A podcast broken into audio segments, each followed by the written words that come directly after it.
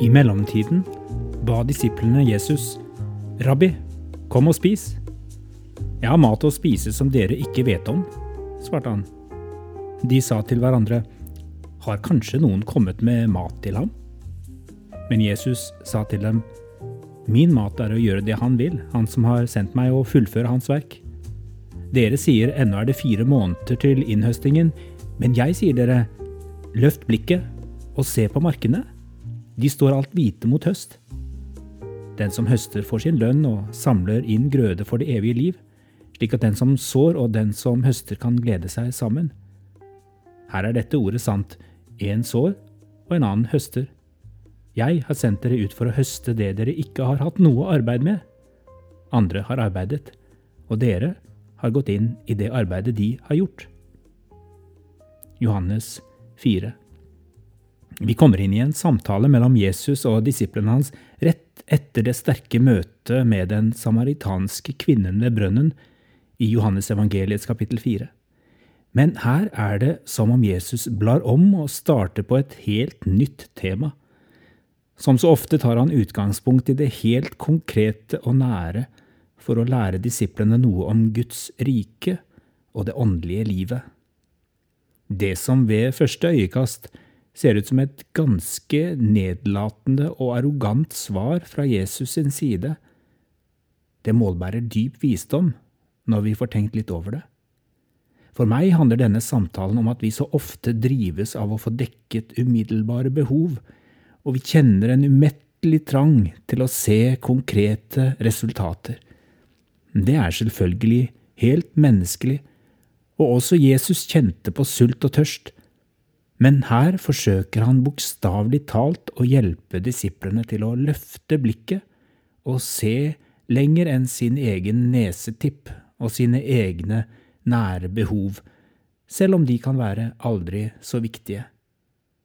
Jeg sier dere, løft blikket og se på markene, de står alt hvite mot høst, en sår og en annen høster. Jeg tenker at blant dere som hører på denne podkasten i dag, er det kanskje noen som opplever å få stå i en innhøstningsfase nå. Det kjennes som om livet er i flyt, og du har fått gjennombrudd på områder som lenge sto stille. Kanskje nye og spennende arbeidsoppgaver. Kanskje en forbedret familiesituasjon. En kjæreste. Giftermål. Et barn er på vei. Eller du står i en tjeneste i Guds rike der du nå opplever åpne dører og nye mennesker kommer til tro. Andre av dere kjenner at dere har sådd lenge, og at våren og sommeren virker uendelig lang før dere kan høste inn og se resultater. Dere er i tvil om det noen gang vil bli noen resultater av all innsatsen dere legger ned. Atter andre befinner seg kanskje i mellomrommet, i det vi kan kalle for ventetiden. Når det er Gud som kan og skal arbeide på sitt verk, og vi skal hvile og vente. Også ventetiden kan oppleves uendelig lang. I mellomrommet kan det ligge mye menneskelig smerte, tvil, uforutsigbarhet, utålmodighet. I dag ber Jesus alle som kjenner at lengselen, sulten og tørsten er i ferd med å ta hele fokuset. Løft blikket. Se markene. De står alt hvite mot høst. Om ikke annet, så se det for ditt indre blikk. Jeg tror han mener, se den større historien, den større sammenhengen du er en del av. En sår og en annen høster. Andre har også arbeidet før dere, og dere har gått inn i det arbeidet de har gjort.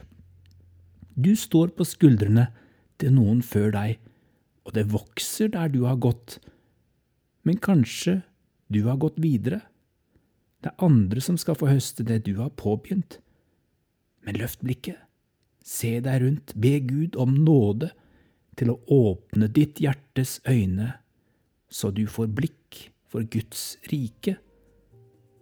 Vår mat er å gjøre det Jesus vil, Han som har sendt oss, og ved sin menighet, sin kropp, skal han fullføre sitt verk.